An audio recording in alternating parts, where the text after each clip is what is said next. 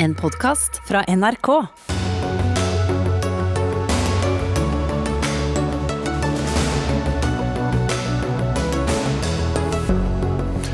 Ukrainas president tror at en seier over Russland er mulig i løpet av året, men til hvilken pris? Titusener av sivile har mistet livet. Rundt 100 000 ukrainske soldater er enten drept eller hardt skadd. Dagsnytt 18 markerer ettårsdagen for den russiske invasjonen. Men vi skal også innom disse sakene. Kreftforeningen vil at dagens unge aldri skal få muligheten til å kjøpe tobakk, selv etter fylte 18 år. Fremskrittspartiets ungdom er kritiske. Det er på tide å ta debatten om Norge og kolonialismen, mener en førsteamanuensis. Nei, dette er ikke bra for nasjonalfølelsen, sier politiker. De to møtes til debatt. Og det er forstemmende å se hvor svakt trosfriheten står i Norge. Ja, det sier Kristne Friskolers Forbund etter kritikken mot skolen, som beklaget at en kvinnelig prest fikk holde skolegudstjeneste. Da sier vi riktig god kveld på NRK2, NRK P2 og nrk.no. Dette er Dagsnytt 18 24.2.2023. Jeg heter Espen Aas.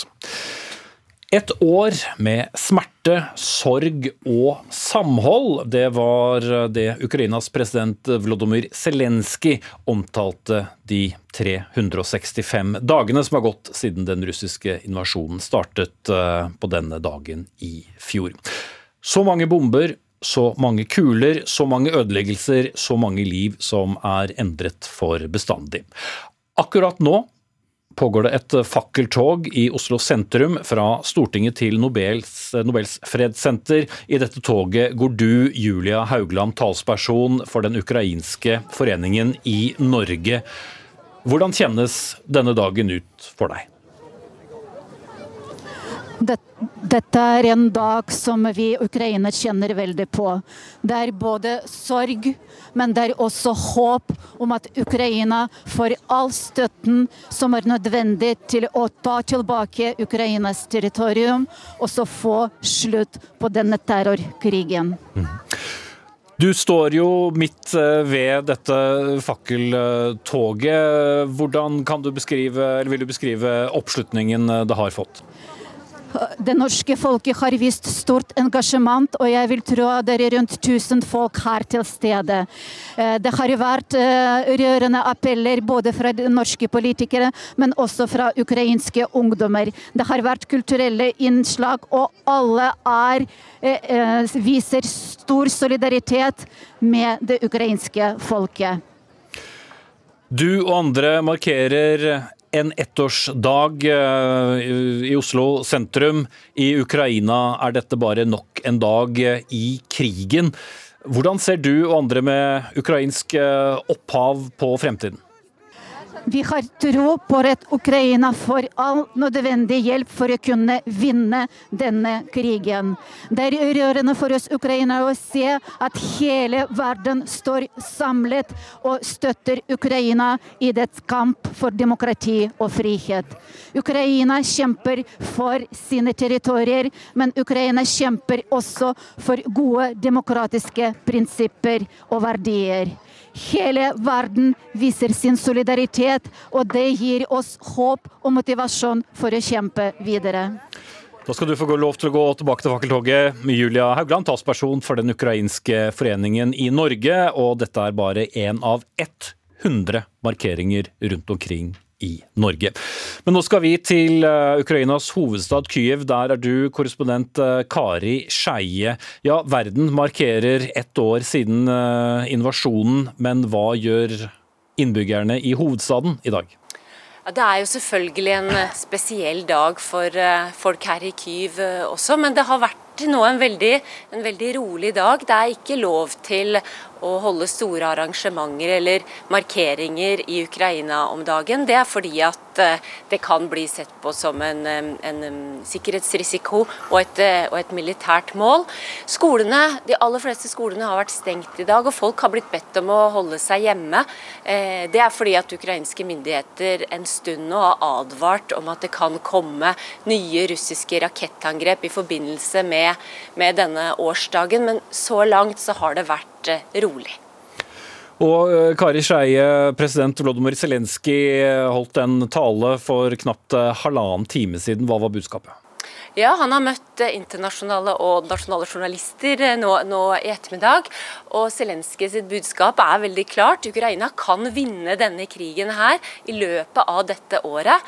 Men det avhenger av at samarbeidspartnerne deres for det meste da vestlige land, leverer den våpenhjelpa eh, de har sagt de skal gjøre, og at eh, den våpenhjelpa kommer også når den når, når, vestlige land har sagt at den skal komme. I tillegg så snakka Zelenskyj om denne tolvpunktsplanen som kineserne har lagt fram nå. Dette er en plan for hvordan man kan skape våpenhvile mellom Ukraina og, og Russland. Og da sa Zelenskyj at det er bra at Kina nå bryr seg om Ukraina, men at det er flere ting i denne avtalen som, som er uklart. Men han sier også at Ukraina er interessert i å snakke med Kina om dette. Mm. Så her kan vi se eh, starten eh, på noe.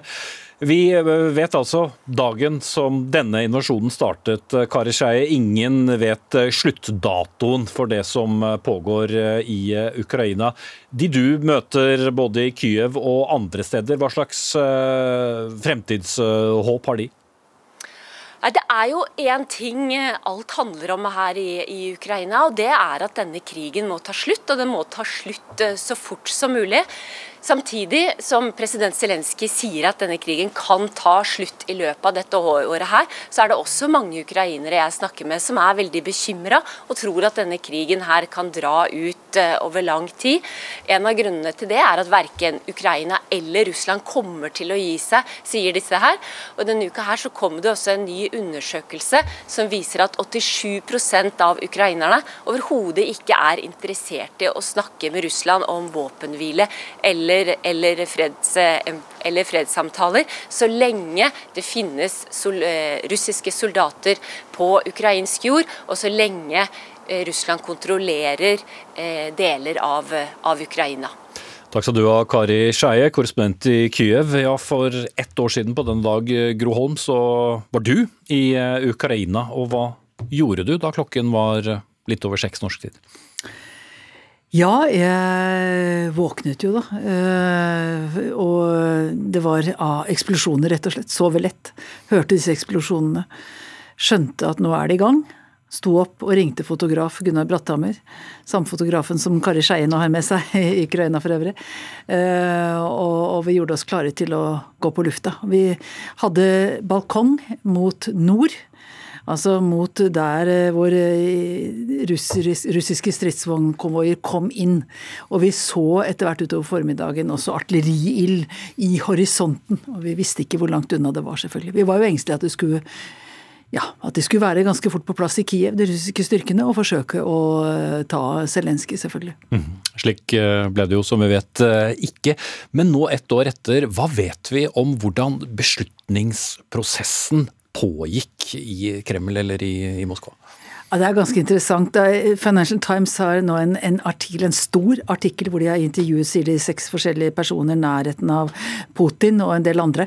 Og de forteller bl.a. at utenriksminister Sergej Lavrov ikke visste før klokka natt til i dag, altså for ett år siden, at det faktisk ville starte en, eh, en invasjon, eller en ny fase i invasjonen, like etterpå. Mm. Så frem til det så gikk han og ikke visste hva som kom til å skje? Så visste ikke han hva som kom til å skje, og det bekrefter det inntrykket vi fikk av denne eh, talen Putin holdt 21. februar, og, og da møtet i Sikkerhetsrådet, hvor hans utenriksetterretningssjef, utenlandsetterretningssjef, ikke visste hva han skulle svare Putin da Putin utfordret ham på hva som skulle skje videre, eller hva som var målet. Han visste ikke hva han skulle svare, hva Putin ville høre.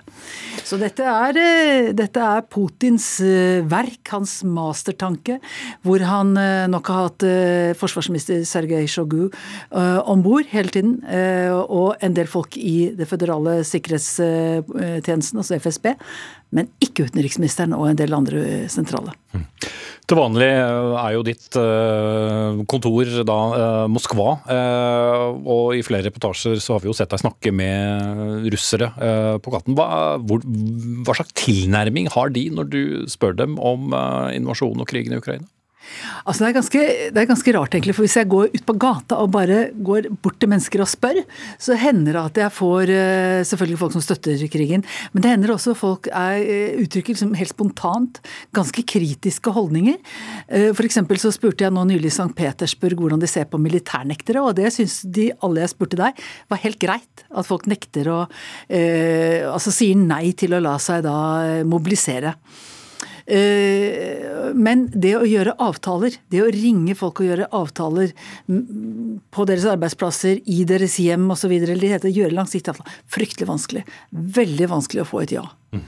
Folk er veldig engstelige. Dette er jo din eh, andre eh, periode da som Moskva-korrespondent. og det er, det er, en god del år siden forrige gang. Hvor endret er Russland blitt under Putins ledelse?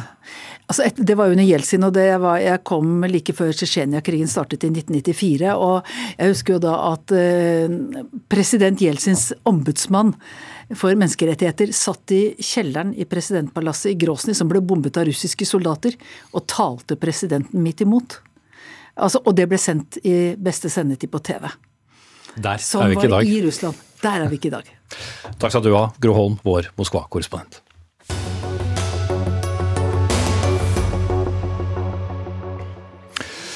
Krigen i uh, Ukraina har altså så langt ført til at 100 000 ukrainske soldater er drept eller alvorlig skadd, i tillegg til rundt 30 000 sivile ukrainere som er eh, blitt drept. Drepte og sårede russiske soldater ja, det er beregnet til å være rundt 180 000, ifølge tall fra FN. Og Bjørn Arild Gram, eh, forsvarsminister fra Senterpartiet, du er med oss direkte fra Steinkjer. Disse tallene, hva forteller det deg om omfanget på krigen? Det er jo forferdelige, skremmende tall. Det er, det, det er virkelig et uttrykk for at det er en fullskala krig som pågår, eh, med ja, kan være flere hundre skadde og drepte hver dag. så det er med en frontlinje på kanskje 100 mil. Så det er Vi må tilbake til andre verdenskrig for å finne noe lignende krigs, krigshandlinger i Europa. Du var jo ikke forsvarsminister da krigen eh, brøt ut, men du ble det i løpet av perioden. Du var likevel en del av regjeringen, Bjørn Arild Gram. Og hva kan du si om den eh, reisen, om vi skal kalle det det, som eh, den norske regjeringen har gjort? For ett år siden snakket vi om å sende hjelmer, nå sender vi stridsvogner.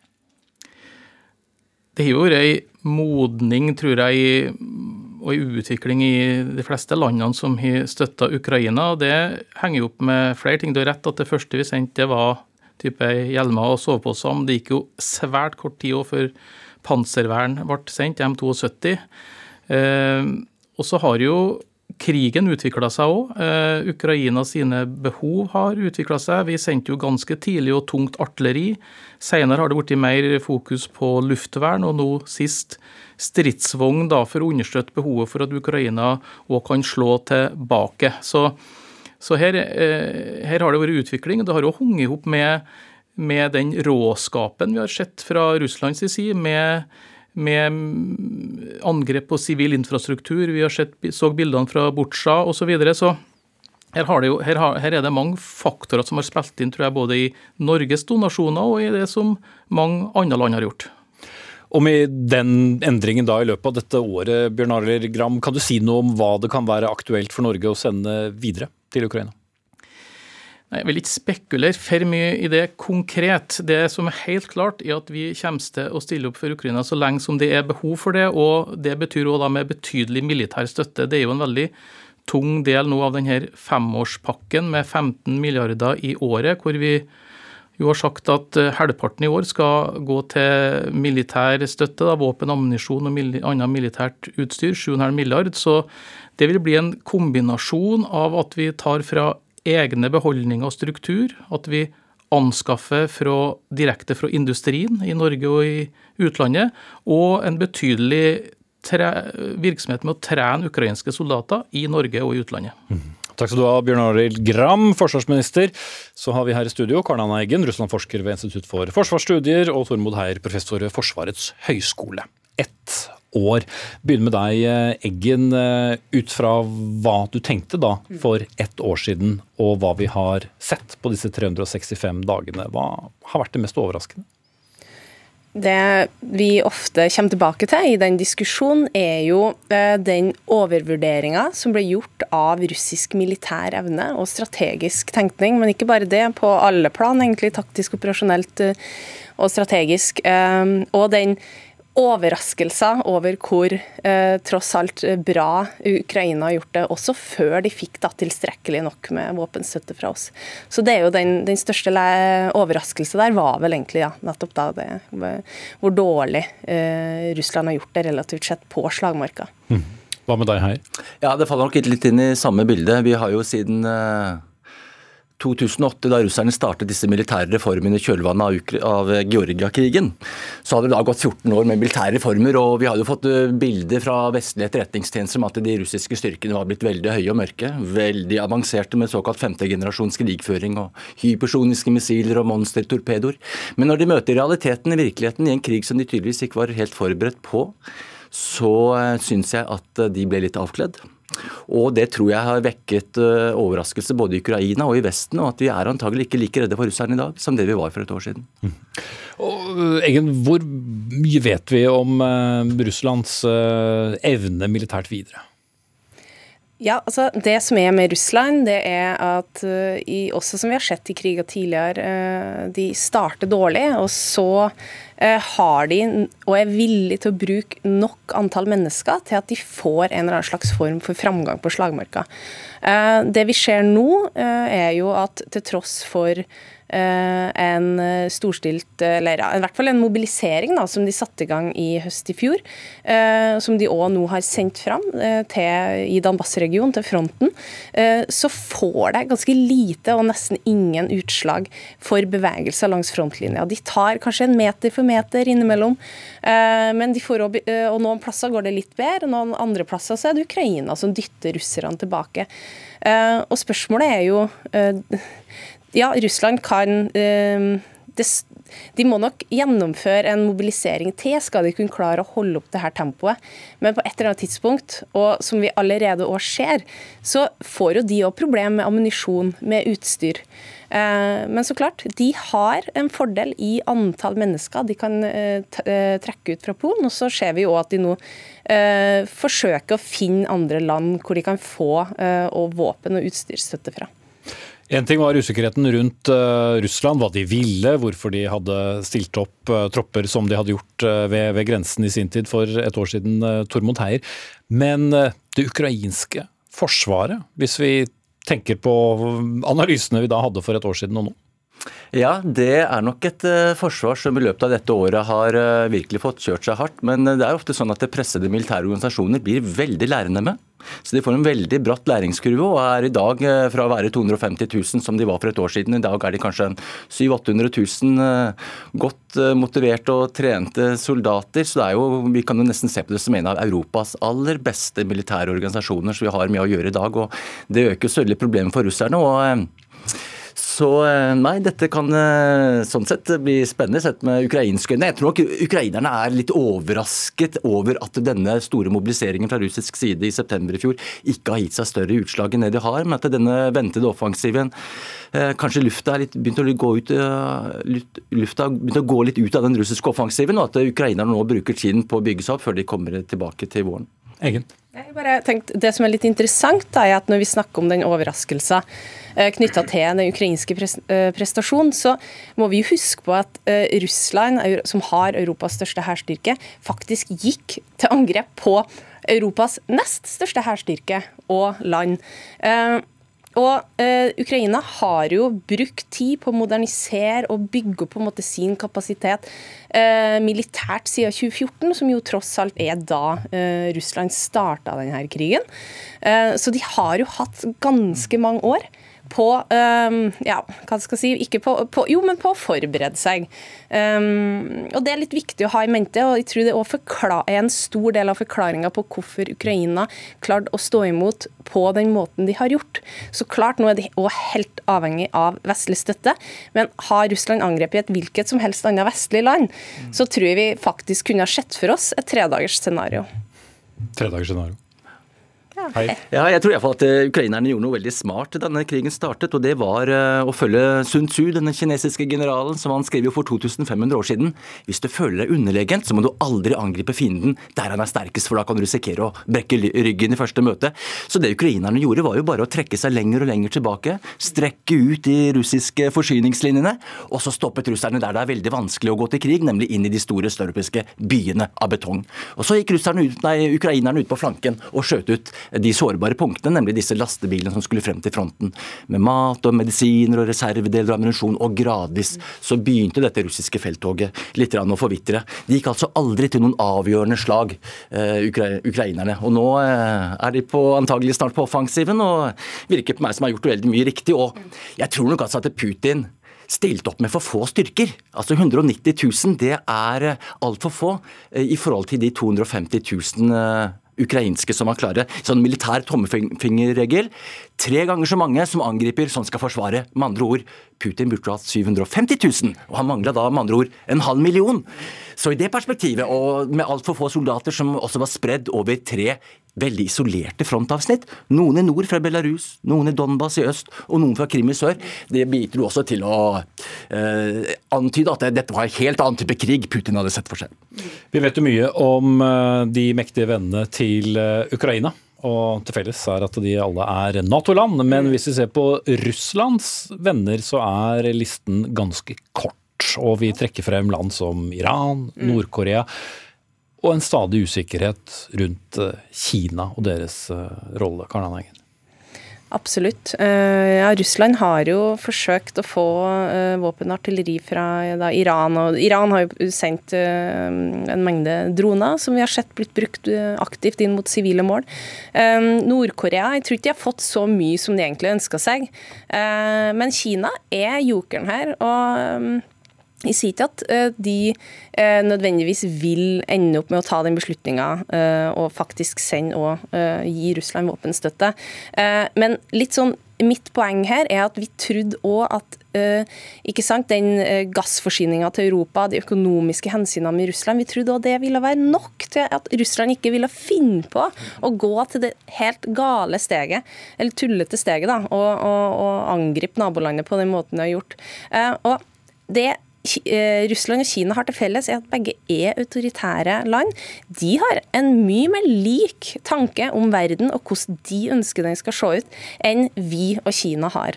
Eh, så det, det, måte, det er egentlig mer en litt sånn advarsel om at nå må vi tenke litt sånn som vi gjorde i fjor. Det er bedre å være føre var. Og jeg syns det er urovekkende, de eh, advarslene som både generalsekretær i Nato Jens Stoltenberg kommer med, utenriksminister Blinken. Hvis det stemmer så vil det endre krigen, og det vil kunne hale den ut i tid. Det er i Russlands interesse nå. Eh, og ikke minst, eh, Kina tjener jo på det òg. USA er knytta opp eh, i Ukraina med masse penger og våpen. Ja, og da, da, er vi på en måte mer på den stormaktsrivaliseringa, og der er logikken annerledes enn økonomisk samhandling. Mm. Vi må runde av med Tormod Heier. Vi hørte jo da Zelenskyj da han snakket med, med pressen nå i ettermiddag, eh, si at eh, han uh, han avviser ikke denne eh, freds- eh, eller eh, våpenhvileforslaget fra, fra, Kina og er villig til å gå inn i den. Hvordan ja, tolker du det? Absolutt. Et land som opplever å være i en eksistensiell forsvarskamp, tar imot de tilbudene man får. Og man skal aldri forkaste sånne type forhandlingsutspill som da kommer fra Kina i denne sammenheng. Jeg tror kineserne Eh, balanserer her sånn. På den ene siden eh, ved å eventuelt støtte litt eh, til Russland, fordi man har felles interesse av å ha en multipolær verdensorden hvor man kan balansere USA, men på den annen side også fremstå som en fredsmegler som også kan unngå å miste de markedene man har i Vest-Europa, som er veldig kjøpesterke og viktige for den kinesiske økonomien. Bare veldig kort til slutt. Kina har tatt et relativt tydelig standpunkt i krigen, og det er på russisk side. Takk skal dere ha, Karen Aneggen, russlandsforsker ved Institutt for forsvarsstudier og professor Tormod Heier ved Forsvarets høgskole.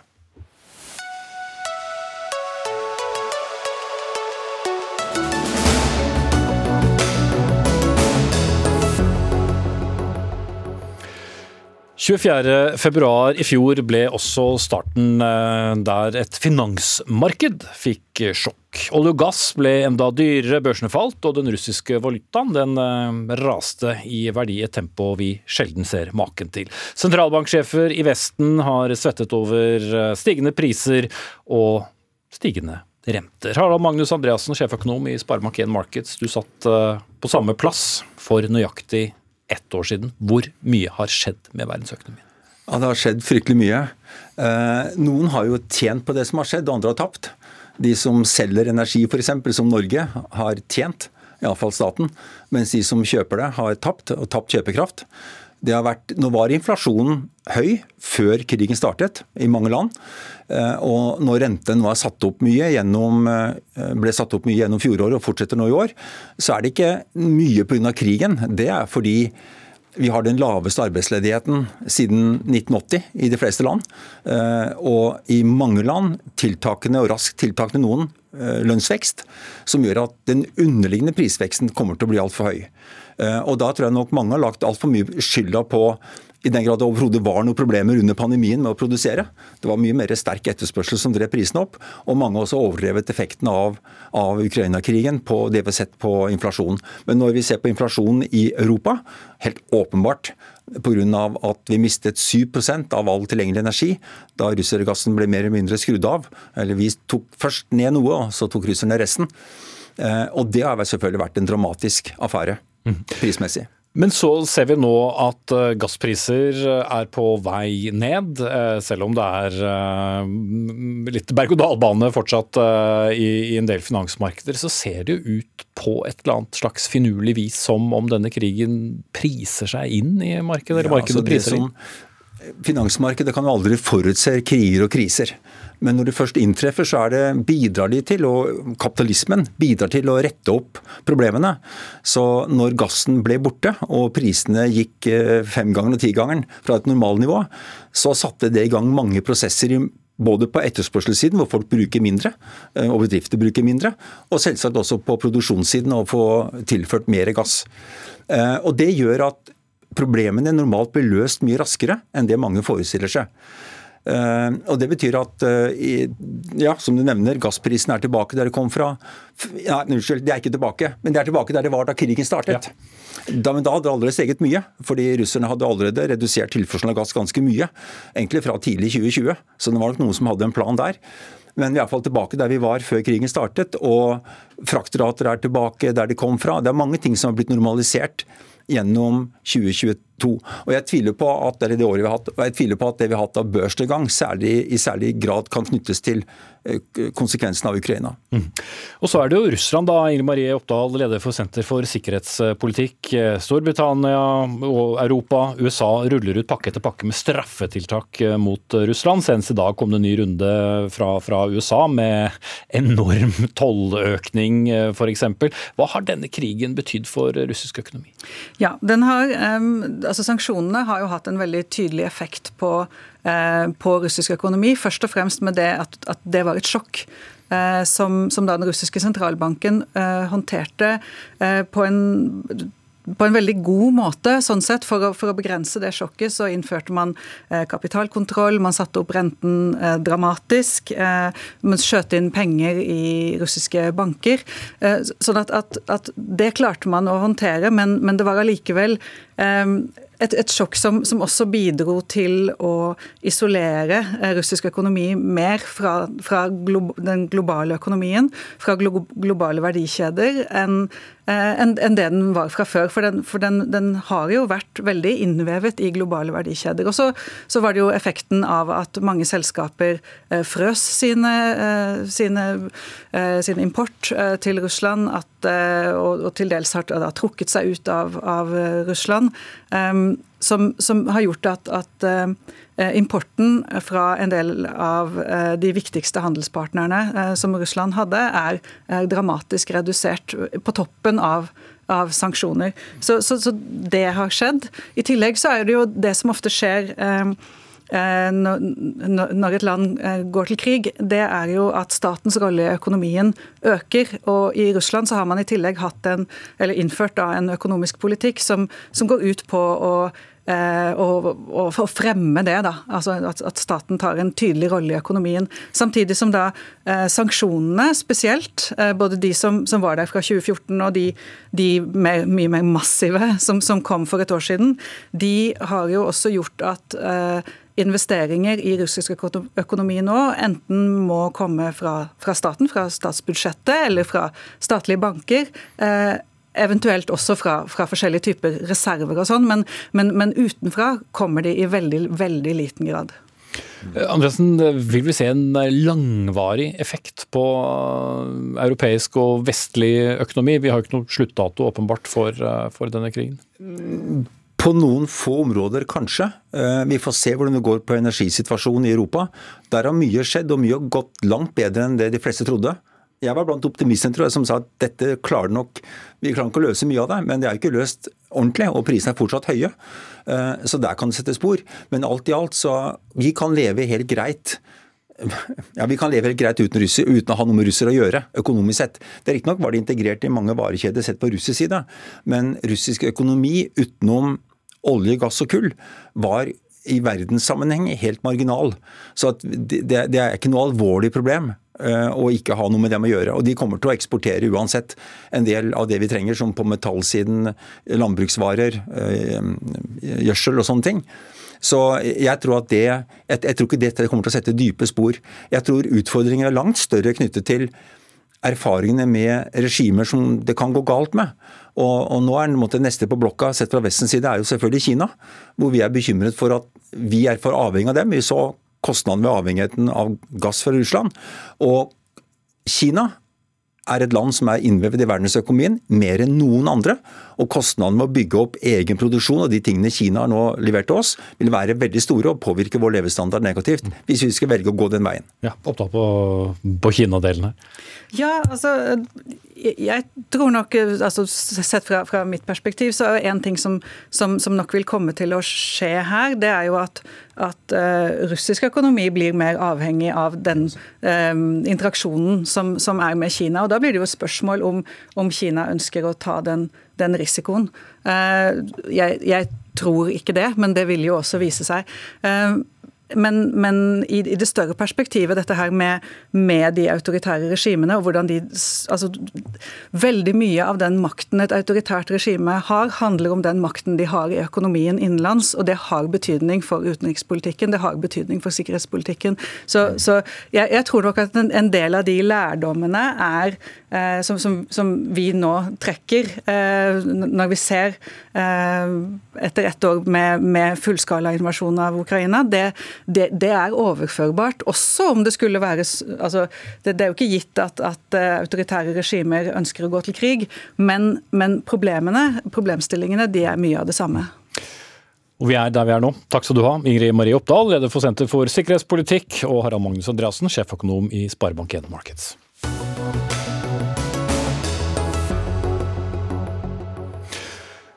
Og der eh, forlater vi dekningen av eh, ettårsdagen for invasjonen i Ukraina, med mindre det kommer nyheter underveis i sendingen, selvsagt. For nå skal vi stille et helt annet spørsmål. Vil dagens unge aldri bli gamle nok til å kjøpe røyk og snus?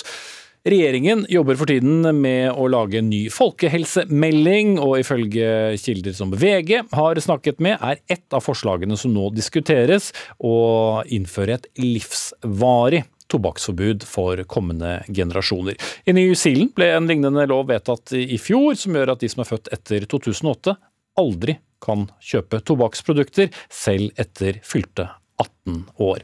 Ole Alexander Opplasheim, assisterende generalsekretær i Kreftforeningen. Dere ønsker også et generasjonsforbud velkommen her eh, i Norge. Er det noe som vil fungere? Eh, vi tror det. Nå må jeg jo si det at Vi jobber jo generelt eh, i forhold til eh, å redusere tobakksforbruket. Tobakk er jo den viktigste årsaken til kreft som vi faktisk kan gjøre noe med. Så Sånn sett er det ikke overraskende at vi ser etter ulike tiltak som gjør at vi kan redusere folks bruk av, av tobakk, at folk røyker. Og Da mener vi, vi ser også internasjonalt, og da så vi dette tiltaket som de har forsøkt i New Zealand, og vi mener at det også er verdt å prøve her i Norge. Mm. Vi får eh, snakke med noen yngre. Simen Velle, leder i Fremskrittspartiets Ungdom. Du kaller dette generasjonsforbudet da en gammeldags eh, løsning på et eh, komplekst problem. Bør man ikke prøve det ut, da? Nei, det, det syns jeg ikke. Det er store forskjeller på, på, Norge og New Zealand. New Zealand er en øy, og Norge er en, en nabostat eller et land som også har lovlig tobakk. Og så ser man jo at tobakksbruken i Norge har gått ned, ganske drastisk ned. Eh, ikke bare de siste årene, men over lang tid, som følge av den tobakkspolitikken Norge har ført i, i, i veldig mange år.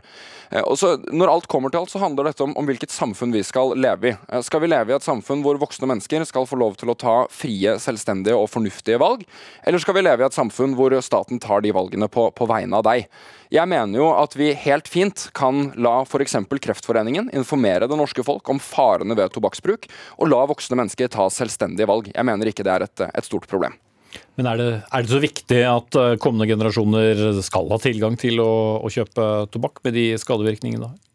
Jeg sier ikke at det er positivt å bruke tobakk. Eh, jeg syns ikke det er positivt i det hele tatt. Jeg vil heller ikke anbefale noen å, å, bruke det. Men jeg tror ikke en statlig regulering og et statlig forbud er løsningen på å få færre folk til å bruke det. Vi har jo forsøkt før å gjøre lovlige rusmidler forbudt. Det fungerte svært dårlig under forbudstiden. Eh, og når man i tillegg ser at Sverige allerede har mye billigere tobakk enn det Norge har i dag, eh, så er jeg redd for at den handelslekkasjen vil bli betydelig større i årene som kommer, hvis man gjennomfører et sånt forbud. Oppdal seg som veldig er inne på, så går jo røyketallene støtt og, og, stadig nedover. Og har blitt sterkt redusert i de uh, nesten 20 årene som vi har hatt uh, et, uh, et røykeforbud på offentlig sted. Trenger vi da å skru til så mye? Vi mener det, og det er jo helt riktig det at det har vært en betydelig nedgang i antall røykere, og det er kjempebra, ikke minst blant yngre. Men vi ser jo det at hvis vi skal fortsette denne trenden, så er det behov for nye tiltak. For vi ser jo også på internasjonale rangeringer hvor Norge og lenge har skåret ganske høyt når det gjelder tobakksforebyggende tiltak, så er vi i ferd med å falle bakover. Og jeg synes jo også det er, det er, jo bare for lov til å si det også, dette med, med, med frie valg og sånn er jo for så vidt et, et, godt argument. Men utfordringen mener vi da med, med, tobakk er jo den at dette er jo et produkt med en enorm avhengighet. Og vi møter jo veldig mange som ønsker å slutte å røyke, men som ikke får det til. Så man kan jo diskutere dette med frie valg når det gjelder tobakk. Men det ble vel uansett en annen diskusjon enn om man skal få lov til å kjøpe det eller ikke? Det er klart, men det er jo en viktig del av dette her. Og, og vi tror jo det viktigste tiltaket man kan gjøre, er jo det å hindre at nye ungdommer begynner å røyke. Samtidig må man selvfølgelig kombinere dette med også å hjelpe de som ønsker å slutte å røyke i dag. Mm. Og dere FPU tar jo faktisk ordet for, for lavere avgifter på tobakk. Vil ikke det bare gjøre det mer attraktivt? Jeg tror ikke det nødvendigvis vil gjøre det mer attraktivt. Eh, det jeg tror, er at lavere tobakksavgifter vil føre til en mye mindre handelslekkasje til Sverige. Vi så under pandemien, da vi stengte grensene til Sverige, at vi fikk 21 eh, milliarder kroner mer i grensehandel på norsk side enn det vi har eh, den dag i dag. Og det er i stor grad fordi alkohol og tobakk er betydelig billigere i Sverige enn det er i Norge. Jeg mener jo at den beste måten å regulere det norske tobakksmarkedet på, er at den tobakken som selges i Norge, kjøpes av nordmenn, og at de nordmennene som trenger tobakk, kjøper den tobakken i Norge. Norge. Eh, og Da mener jeg at et prisnivå som, som matcher våre naboland, er, er, det mest fornuftige vi kan gjøre. Og så tror jeg ikke, tror jeg ikke at det er sånn at man vil snuse eller røyke betydelig mer fordi snus- eller røykepakken er litt billigere enn det den er i dag. Jeg tror egentlig bare at vi vil eh, straffe nordmenn litt mindre og, og, og lekke litt mindre handel til Sverige. og Det mener jeg er veldig positivt. Jeg uh, beveger meg tilbake til utgangspunktet, nemlig dette da med eh, et forbud for, for kommende generasjoner. Men det blir jo en sånn forskjellsbehandling av borgere etter fødselsår, og det er jo i hvert fall mildt sagt uvanlig opphold her? Eh, det er klart. Altså, vi, vi, er helt åpne på at det er utfordringer knyttet til et slikt eh, forslag. Hvordan man skal iverksette dette i praksis. Men som sagt, nå prøver man dette ut i New Zealand. Eh, vi tror det kan løses. Det var jo også sånn når vi trådde i gang røykeloven her i Norge, at det ikke var lov å røyke inne på puber og restauranter, så var det jo veldig mange som var kritiske til om det var gjennomførbart i praksis. Men det viste seg å være mulig, og jeg mener at vi kan få til det samme her. Det kan ikke rett og slett gjøre det mer spennende og attraktivt hvis eh, du ikke skal få lov til å kjøpe noe som andre får lov til å kjøpe? Eh, jeg tror ikke det. Eh, som sagt, Vi har sett en nedgang i antall røykere også blant de unge, som er gledelig. Og jeg tror dette kan være et siste grep for å få en røykfri tobakksgenerasjon. Du kan få kommentere det prinsipielle med, med årskullene her til slutt, Velle. Nei, Jeg tror dette forbudet vil bli ekstremt vanskelig å, å, for det første implementere, men også håndheve.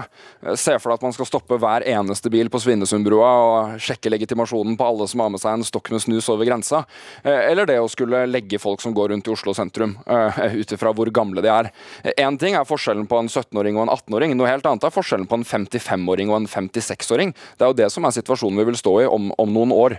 Og jeg mener at den mest fornuftige måten å få folk til å bruke mindre tobakk, det er at f.eks. Kreftforeningen, som gjør et hederlig arbeid for å opplyse det norske folk, får lov til å fortsette med det arbeidet, eh, og at vi voksne, myndige nordmenn får lov til å ta selvstendige, frie og fornuftige valg. Ingen har i hvert fall tenkt å binde dere på hender og føtter i Kreftforeningen. Ole Alexander Oppdal Sei, du er assisterende generalsekretær der, og Simen Velle er leder i Fremskrittspartiets Ungdom. Og det er altså bare et av flere forslag som er eh, blitt sett på.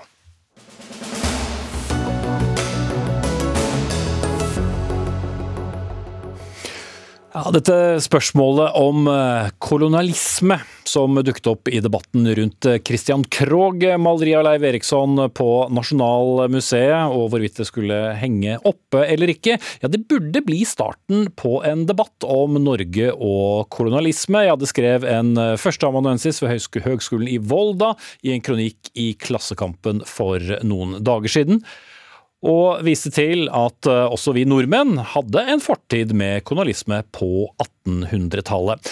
Vi skal eh, høre fra ham om litt, men eh, jeg skal begynne med en som mener at vi faktisk ikke trenger akkurat den debatten her til land. Så denne noen er deg, Reidar Digranes, lokallagsleder for Bergen Senterparti. I et innlegg i Nettavisen så skriver du at noen leter etter en ikke-eksisterende kolonial arvesynd. Hva mente du med det? Det jeg mener med det, er at det, eksempelet man så eh, med Nasjonalmuseet, det var et eksempel på at man hadde brukt det man gjerne kaller postkolonial teori, eh, for å gå og symfare historien vår og lete etter eksempler på tilfeller som eh, ikke var i, i, tråd med moderne moral. Men i, eh, i en sånn situasjon så er det veldig viktig å huske på det Eh, at eh, de eneste eller det eneste samfunnet som eh, så å si lever opp til nåtidens moral, det er det moderne samfunnet. Og det er ikke særlig nyttig å ta moderne moral og implantere det på fortidens hendelser. Men da, Åsmund Svendsen, førsteamanuensis i historie ved Høgskolen i Volda. Hva er den kolonialistiske delen av vår historie? Ja, den kolonialistiske delen av vår historie kan vi jo si veldig mye om det er nok lettest å peke på uh, den norske deltakelsen i uh, koloniseringen av Midtvesten i Amerika fra midten av 1800-tallet og framover. Når jeg sier kolonialistisk i den forstand, så mener jeg ikke på den måten at norske nybyggere var kolonialister i en sånn Stanley-forstand. Vi må ikke se for oss eh, Morgan Stanley med machete, går inn i jungelen og dreper for fote, og Cortes og alt dette her. Nei, vi må rett og slett forstå det sånn at betingelsen for at norske nybyggere, våre forfedre, alle sammen, vi har jo forfedre i Amerika alle sammen, betingelsene for at de kunne gå inn i Midtvesten, Minnesota, Dakota å få et område, var nemlig det at de som hadde bodd der før og brukt dette området, ikke lenger var der. Og det at ikke de lenger var der, det var jo fordi i veldig mange tilfeller så var de fordrevet. Og den historien med fordrivelsen av urinnvånerne i USA, det er en kolonial historie. Og dermed så var også da norske nybyggere en del av denne prosessen. Og det er viktig å skille her. Prosess og kolonialisme og sånne ting.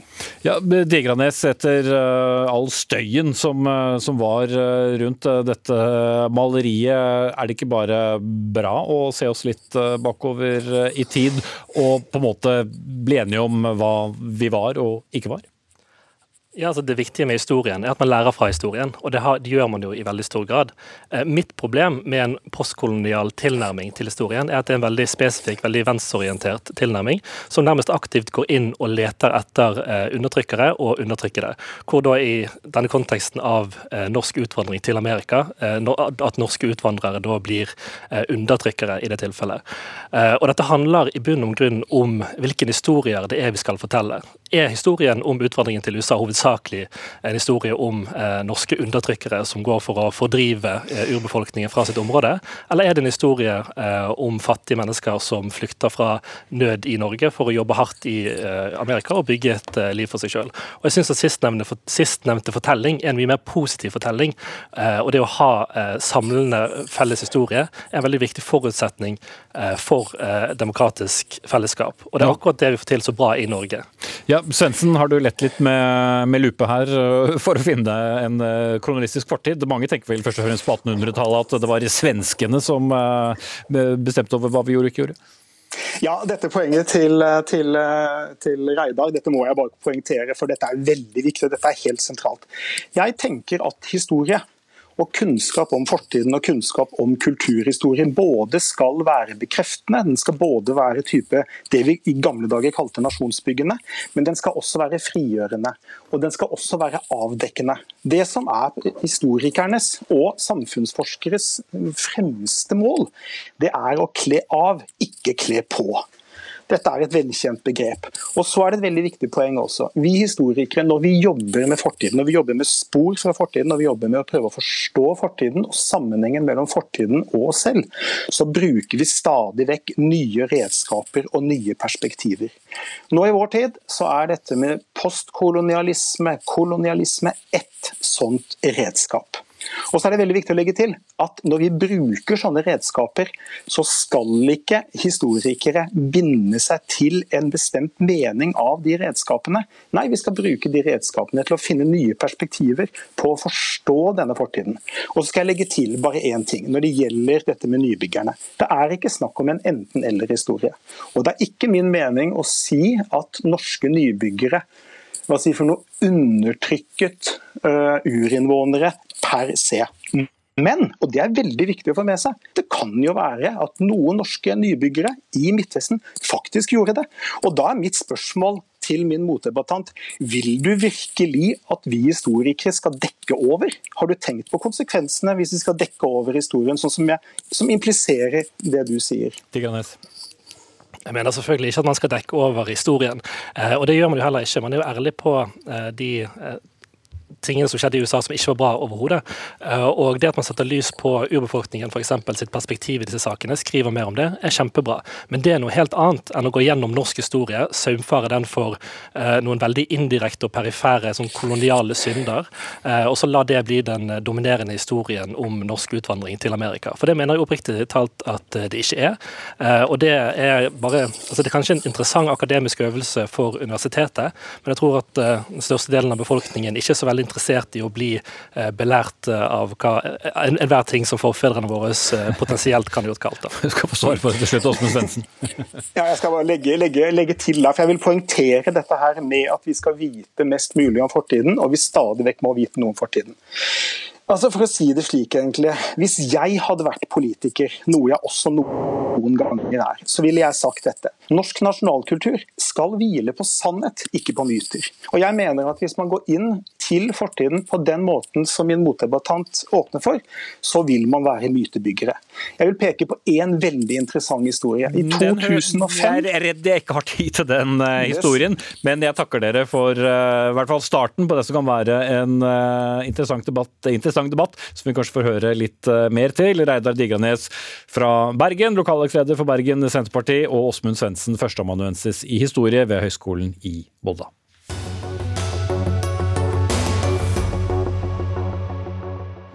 Forstemmende å se hvor svak Eh, trosfriheten står i Norge, ja, den kommentaren kom fra Kristne Friskolers Forbund etter de mange reaksjonene som er kommet eh, etter at en kristen barne- og ungdomsskole i Nordreisa beklaget bruken av en kvinnelig prest.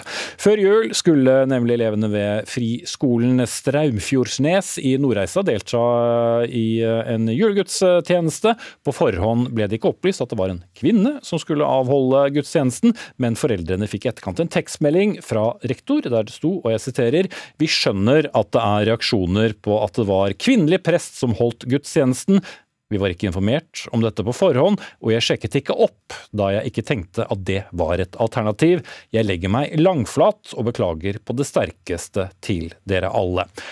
Så skal vi by på litt kontekst. Kjetil Skog, du er ansvarlig redaktør i lokalavisen Framtid i nord. Hvorfor reagerer så mange på dette, når det jo tross alt var snakk om en, en friskole? Forklar eh, litt om, eh, om, sammenhengene her. Jo, eh, jeg tror nok det ligger i uh, at det er veldig små forhold.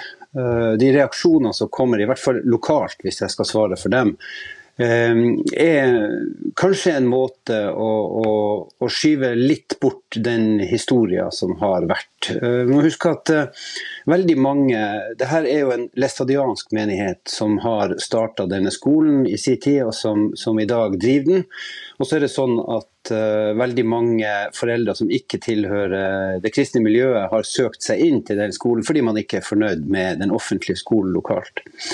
Eh, og så står det læstadianske sterkt, eh, men det sto enda sterkere for noen år tilbake. Eh, I dag er det ganske mange som, som ikke er innenfor dette miljøet, men som nok eh, ikke trenger å snu seg veldig langt tilbake, kanskje bare til foreldre eller besteforeldre som har vært bekjennende læstadianere. Uh, og Da blir det ekstra sterkt og det blir ekstra nært uh, når man ser at naboer og andre ikke følger det som man tenker sjøl er det rette, nemlig at kvinner kan være prest og fungere som prester på lik linje med hvem som helst ellers. Og, og Hva har dette gjort med lokalsamfunnet? Nei, Det skaper en splittelse, det skaper en, eh, en uro. Uh, og, og, det ender jo med at altså det her er jo uh, det er jo én kommune i en region med seks kommuner der læstadianismen har stått sterkt i mange, mange, mange år. Um, og, og, det skaper jo en uro internt, ikke bare i Nordreisa, men også i de andre. Fordi at den ulikheten som er internt i kommunene, kommer så godt til syne. Uh, Læstadianerne er svært bibeltro, uh, og de ønsker ikke en modernisering verken av kirka eller fortolkninga av Bibelen. De står fast last og brast ved det som står der. Og, og, og, ønsker ikke det. Mens resten av samfunnet har selvfølgelig uh, gått videre og, og, kommet inn i 2023 og, føler på at, at, det er sært og det er rart at uh, naboer, bekjente, venner har et sånt syn. Mm. Takk for innblikket, Kjetil Skog, ansvarlig redaktør i lokalavisen Framtid i nord. Kunnskapsministeren var tidlig ute med å si at eh, verdiene som skolen forfekter, hører fortiden til. Men Lise Selnes, stortingsrepresentant fra Arbeiderpartiet og medlem av utdannings- og forskningskomiteen på Stortinget, skal det ikke være toleranse for et annet syn? Det er masse toleranse for andre syn i norsk skole. Men eh, det å ikke akseptere at det er kvinnelige prester i norsk kirke, det er vanskelig å forstå og ganske sjokkerende, vil jeg si.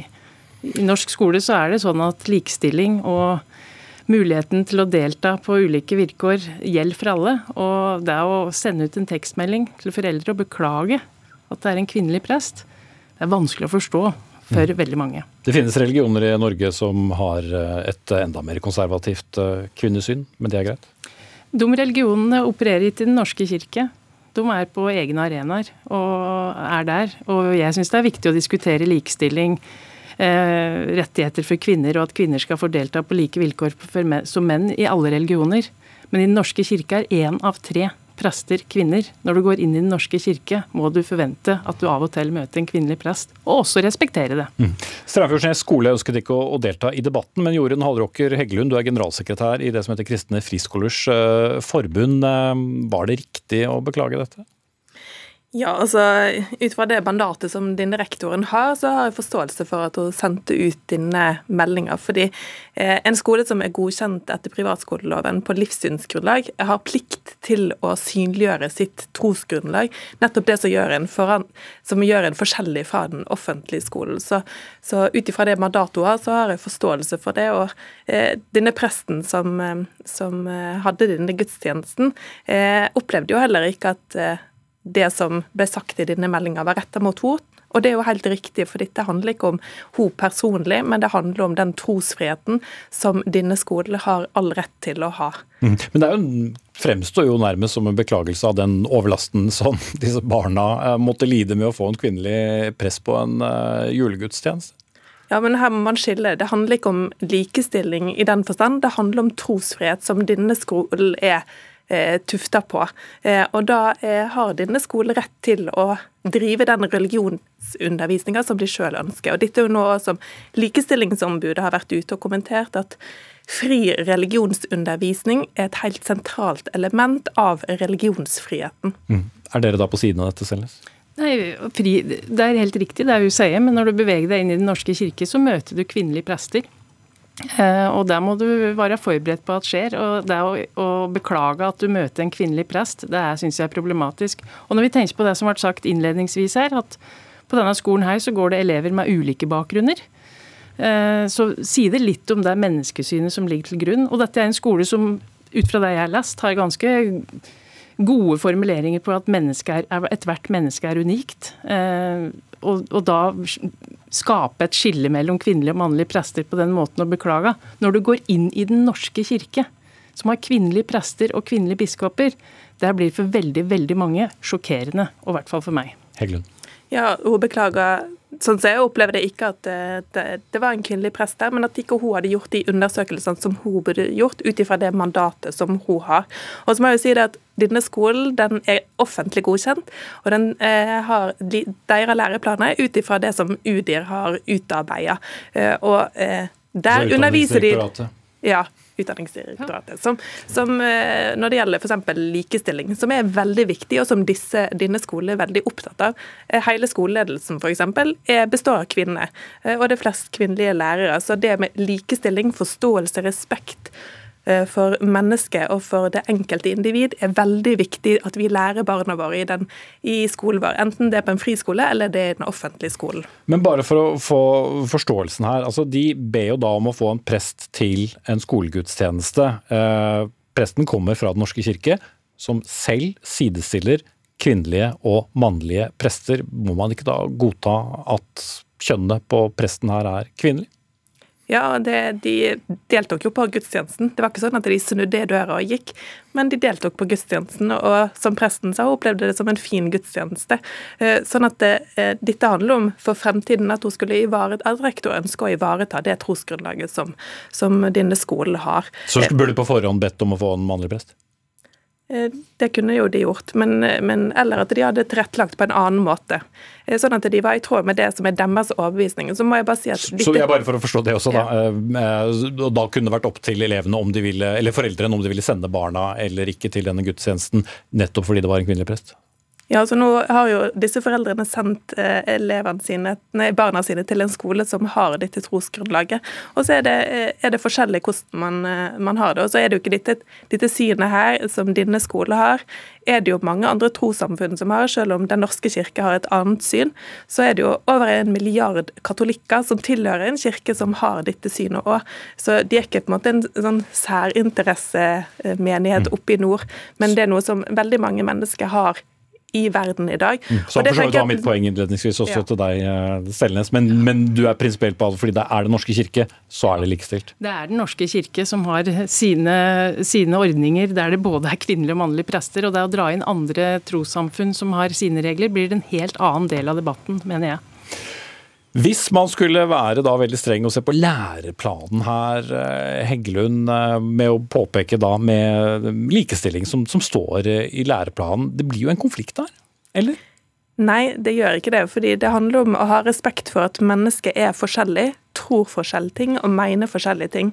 Og I læreplanen, så, som denne skolen òg er opptatt av, å undervise elevene sine om mangfold og respekt og likestilling, så jeg tenker at dette er på en måte kjernen av av hva vi skal undervise barna våre. Og Det er veldig viktig det liberale demokratiet som vi er en del av.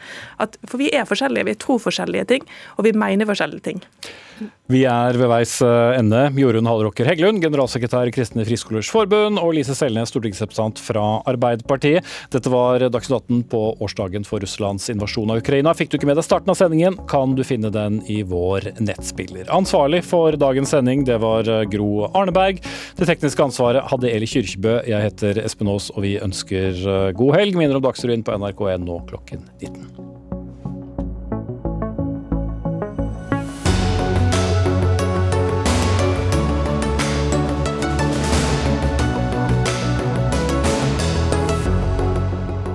Du har hørt en podkast fra NRK. Hør flere podkaster og din NRK-kanal i appen NRK Radio.